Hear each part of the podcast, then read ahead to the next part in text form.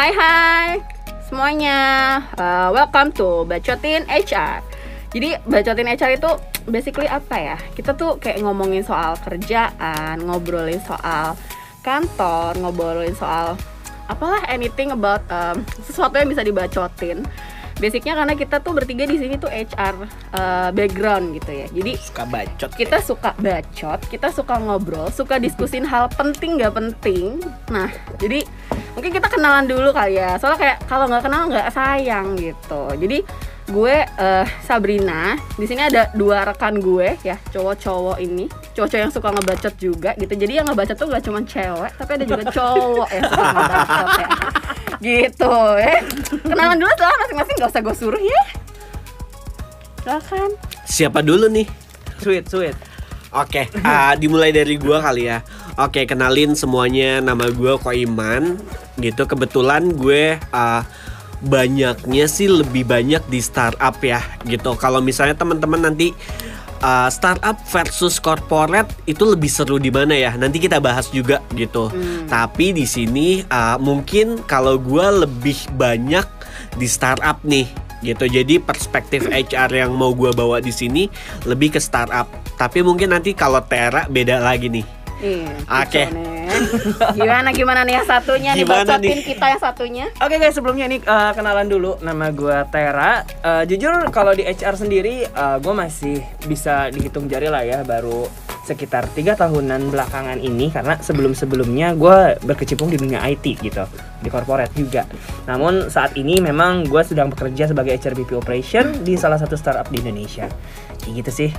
Oke, okay. ini jadi gara-gara dua-duanya ngenalin mereka background ya, gue lupa ngenalin diri gue sendiri. Jadi gue juga backgroundnya di HR, uh, eh, mostly sama sih sama Koiman sebenarnya. Gue banyak kan di startup juga, rather dan corporate terus gitu. Tapi uh, pengalaman corporate gue juga lumayan mengena banget. Jadi nanti kita boleh sharing-sharing ya. Kita ngobrol-ngobrol aja nih, ngebacot aja lah intinya gitu.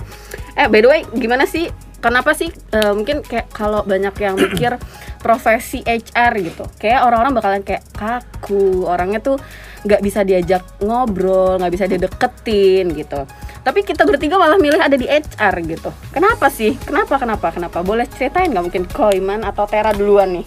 Gue dulu ya? Ya udah. Jujur uh, kenapa gue berkecimpung di dunia HR karena apa ya? Gue suka uh, istilahnya berhubungan sama orang, ketemu temu ketemu sama orang-orang baru gitu. Kalau misalnya memang banyak yang mengira kalau HR itu kaku, nggak bisa dideketin atau gimana, itu menurut gua salah sih. Karena uh, justru HR itu menurut gue harus luas gitu, harus bisa berteman dengan semua orang. Karena kan kita di sini sebagai support ya support untuk seluruh karyawan dalam satu perusahaan gitu hmm. gimana caranya mereka bisa mau cerita mau curhat sama kita kalau misalnya kita juga nggak bisa dideketin gitu Betul. itu sih yang bikin uh, gue tertarik di dunia HR gitu. Jadi tetap harus bisa dideketin lah ya, meskipun Betul. ada mungkin kita harus menjaga uh, apa ya kayak pagu-pagu cih pagu ngerti gak sih apa kayak batasan-batasan tertentu tapi kita tetap harus bisa dideketin juga sebenarnya hmm. sama employee gimana Koiman?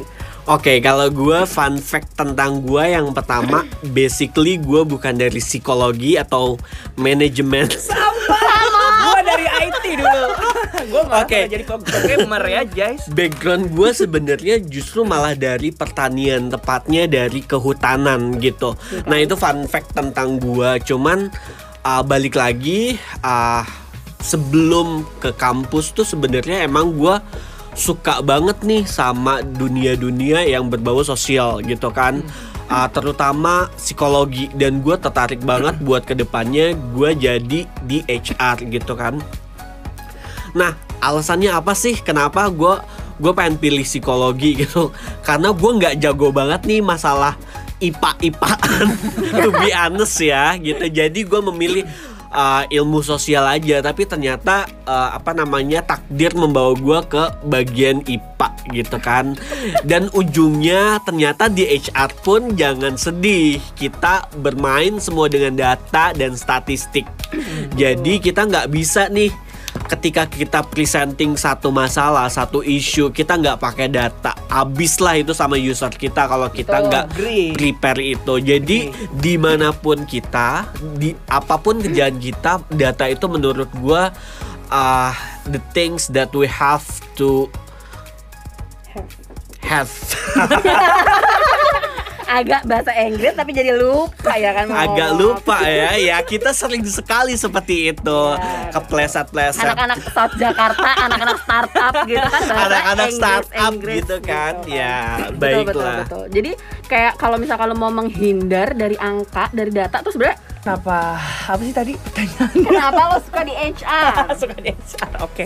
sukanya Oke, kalau dari gua sendiri ya tadi balik lagi ya eh, bisa ketemu banyak orang, bersosialisasi. Gue seneng bersosialisasi. Mungkin kalau dulu memang gue orangnya agak kaku, cuma makin ke sini makin sini ke sini kok gue kalau eh, dipikir-pikir kok gue suka bersosialisasi ya gitu. Ya udah akhirnya eh, apa namanya uh, nyemplung lah gue di HR dan apa ya bener tadi kata Koiman uh, mulai dari apa namanya onboarding kemudian development kemudian soal apa lagi sih tadi uh, offboarding seperti itu dan Hmm. emang sih benar kalau HR itu dinamis dan harus Betul. apa namanya uh, harus bisa menyesuaikan diri sama perubahan-perubahan yang terjadi di perusahaan dengan dengan cepat seperti itu sih. Nah kalau dari Sabrina sendiri gimana? Oh my god, bener banget tuh. Gue jadi keingetan nih. Tadi yang Tera bilang kita jadi agent of change. Jadi kadang-kadang tuh emang HR tuh harus berdiri di tengah-tengah ya menurut gue Jadi senengnya tuh itu. Mungkin kayak dari segi uh, ada sesuatu yang update Mungkin tuh HR bakalan tahu duluan gitu. Tapi uh, dan kita tuh bakalan bisa banyak banget ketemu dari macam-macam orang Macam-macam departemen, macam-macam perspektif. Itu sih yang bikin gue juga seneng gitu. Rather than gue ngitungin rumus harian tabel Meskipun ya di HR tetap ada data ya Bo. Tapi lebih seneng ngurusin manusia gitu kalau gue. Seneng gosip ya? Seneng gosip eh. Seneng ngebacot, seneng ya ngebacot kan? daripada gue ngitungin rumus mendingan gue ngitungin manusia gitu kalau gue. Gitu sih cuy tapi gimana sih tapi pasti kan di antara keseruan-keseruan kita gitu ada juga kan pasti sedihnya ya pasti dong nggak enaknya pacaran aja ada nggak enaknya pasti dalam sebuah hubungan ada yang senang dan tidak Betul. ya Pasti di semua kan? pekerjaan juga ada suka dukanya sih. gitu. Betul. Apa sih kalau kalau kalau kalau kalian gitu apa yang bikin kalian nggak suka jadi HR? Gimana kalau lu dulu yang jelasin? Kalau gue nggak sukanya tuh kadang gue suka dianggap eh apa namanya ya kayak menakutkan gitu. Kadang tuh kayak kalau gue hubungin mereka tuh mereka akan nanya kenapa mbak? Gue ada apa kok gue dihubungin sama lo? Gitu. Padahal tuh kayak nggak ada apa-apa padahal pengen ngajak ngobrol aja gitu. Hmm. jadi kadang suka dianggap lebih apa-apa ke manajemen gitu. Padahal kita juga harus berada di tengah-tengah dan adaptasi. Itu sih kalau sedihnya gue ya. Hmm. kalau berdua gimana? Oke, kalau gue sendiri jadi HR tuh pasti banyak banget sedihnya. Yang pertama beda kayak sales. Sales kan lo kerja lo kelihatan tuh ya kan. Iya. Kelihatan banget nih misalnya oh target gua adalah cari GMV 100 juta kelihatan tuh. HR apa nih yang ada malah ngabisin duit kak uh, perusahaan nih? Hire gitu kan.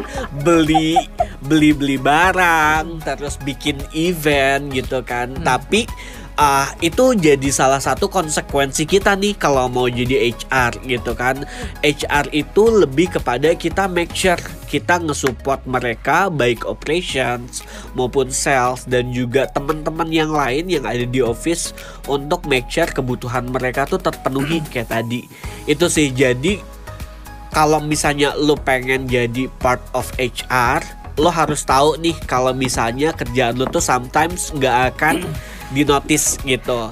Tapi ketika lo punya masalah atau ada masalah, biasanya kita dinotis nih. kita Let's duluan say gitu kan gaji telat gitu kan pasti tuh kan HR sekantor pasti nyariin HR gitu. Tapi kalau misalnya gaji lancar ya udah Diam-diam baik. diem aja tapi ya udah emang tugas HR tuh kayak gitu jadi uh, kita harus tahu sih uh, batas kita di mana gitu Oke. Cok. Kalau dari gue sendiri ya tadi sih salah satunya ya bener kata Koiman apa namanya kalau misalnya ada masalah kita pasti yang dicari duluan gitu. Kemudian satu sisi juga sedihnya jadi HR adalah eh, gue harus eh, tegar di setiap waktu. gitu. aduh, Rosa em apalagi apalagi kalau misalnya lagi ada apa namanya efisiensi. Nah, Hmm. dan sedangkan- apalagi situasi kayak kemarin ya Betul, di uh, covid, COVID ini. pandemi, itu kan banyak efisiensi terus kita harus kita yang jadi garda depan gitu untuk uh, efisiensi untuk uh, karyawan-karyawan yang mungkin mungkin uh, mohon maaf uh, kurang produktif gitu. Betul. Sedangkan di satu sisi juga mereka sedang uh, Sulit membutuhkan hidupnya. pemasukan dan sedang masa-masa sulit kayak gitu. Kita harus tegar gitu. Kita nggak boleh uh, mereka cerita kita nggak boleh nangis gitu. Kita harus Betul. harus ini juga harus tenang, tetap tenang gitu. Walaupun mungkin setelah itu di belakang di balik layar kita bener-bener sedih nangis gitu. Itu sih uh, dukanya jadi HR. Gitu cuy jadi ya apa ya harus mengasam eh bukan mengesampingkan sih bisa membedakan gitu Betul. perasaan mana yang bisa kita tunjukkan Mm-mm. mana yang tidak kita Iya. tunjukkan gitu Sekali. betul sih jadi terus apa ya kalau misalkan sekarang tuh orang-orang banyak yang bilang kayak eh lo anak korporat lo anak startup gitu terus dibilang kayak beda banget cara kerjanya guys oh my god gitu tapi kalau misalkan apaan sih kayak sebenarnya yang mungkin kita sama-sama kita bertiga sama-sama kayaknya udah ngerasain gitu ya Hmm. bedanya yang Hmm. corporate apa startup tuh gimana Hmm. nah kalau misalkan bedanya tuh mungkin yang paling gua notice apa ya kalau startup tuh paling fleksibel ya nggak sih Iya. paling bisa lo ngasih ide ngasih Mm-mm. inovasi anything Iya. paling gini ya gua gua mikirnya adalah ini kan Rina pernah di corporate Tera Oh. juga pernah nih kalau gua sorry to say gua mulai dari awal karir sampai Raja sekarang startup. sih. mohon maaf mungkin gua nanti ngasih perspektifnya dari startup kali ya. Banyak kan dari startup ya. Oke oke. Kalau gitu dari Mas Tera dulu Mas Tera. Oke kalau gue uh, perbedaan uh, kerja di corporate sama startup sendiri, hmm, benar tadi kata yang Brin bilang gitu. Kalau di startup tuh uh, karena kan apalagi kalau misal startupnya lagi apa namanya lagi uh, bertumbuh gitu ya pasti Betul. banyak perubahan di sana sini gitu kita harus Hmm. bisa fleksibel Mm-mm. bisa harus uh, apa namanya uh, beradaptasi dengan cepat dengan segala perubahan yang terjadi tuh Terus eh, apa namanya ya? Eh, senangnya sih satu sisi kita kalau untuk urusan diskusi itu nggak nggak banyak birokrasi ya gitu. Bahkan Betul. kita bisa langsung reach si level langsung untuk diskusi gitu. Betul. Sedangkan kalau misal di corporate mungkin memang dari sisi apa dari sisi uh, job desk dan juga apa namanya kestabilan itu lebih stabil mungkin ya Yes. gitu karena kan memang apalagi untuk perusahaan-perusahaan yang sudah uh, established yang sudah uh, stable gitu yang sudah settle itu lebih stabil gitu Hmm. jenjang karir juga mungkin uh, lebih stabil lah gitu dan Hmm. dari sisi benefit juga mungkin lebih stabil cuma mungkin uh, kalau untuk urusan diskusi kalau menurut gue uh, agak lebih uh, berlapis ya gitu Betul. birokrasinya dibandingkan dengan di startup bener sih kayak kata Mas Tera sih kayak semua SOP tuh udah jelas Betul. gitu kan Iya. jadi kayak lu kayak nggak ada room for eh, ruang geraknya lebih ruang sempit lah ya dibanding startup. nggak Ah. ada room for improvementnya gitu. Karena kalau misalkan mau ada improve ya ribet ya Bo. Kayak birokrasinya jauh gitu. Nah kalau di startup tuh bisa langsung dari Google Drive gitu kan. Iya. lo bisa mengkomen Bisa saling sharing, ya. bisa saling sharing gitu. Itu sih paling kerasa ya. Rigid dan gak rigid. Dan ini Gimana? sih kalau di startup itu kalau yang gua rasain uh, vibes-nya masih anak anak muda Ih, gitu. jadi banget. masih masih nyambung lah banyak yang nyambung gitu sama kita soalnya kita tuh kayak di even di kantor kita yang sekarang ya kita at the same uh, kantor gitu. At the same kantor tuh apa sih? Kita tuh satu kantor intinya. Dan di kantor itu tuh even kita sepantaran gitu sampai ke si levelnya juga sepantaran gak jauh Seumuran gitu kan. ya. seumuran ya bo. Meskipun satu udah dewa gitu kan si level. Kita masih Beda eh, kasta. nggak apa-apa. Tapi yang penting kita seumuran ya kan. Jadi kayak kerja sama temen aja gitu. Hmm. nggak takut gitu